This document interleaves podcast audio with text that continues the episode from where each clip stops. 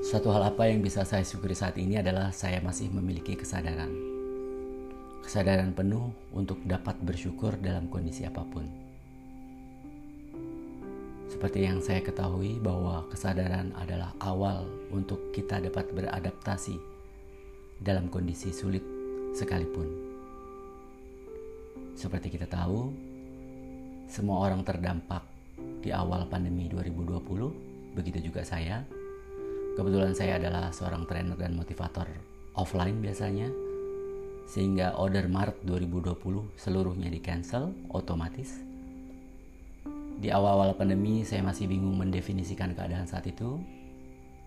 Tetapi dengan penuh kesadaran saya mencoba untuk mensyukuri segala kondisi saat itu karena saya yakin pasti ada hal baik di setiap kondisi.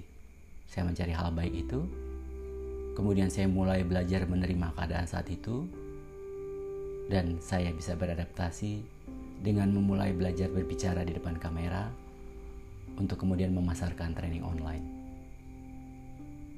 Pertama kali memang sulit, ya karena hal baru buat saya.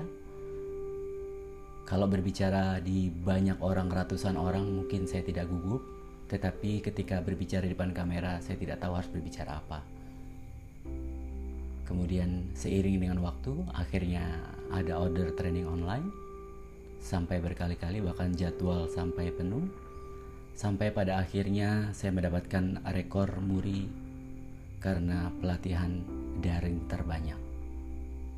Saat itulah saya lebih yakin lagi bahwa kesadaran untuk bisa melihat sisi baik dari segala situasi membuat saya bisa terus tumbuh dan berkembang dalam kondisi apa pun. Jadi, apa yang kita tunggu?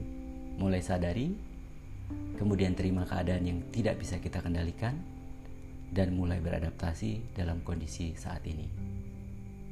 Selamat beradaptasi dan selamat bersyukur.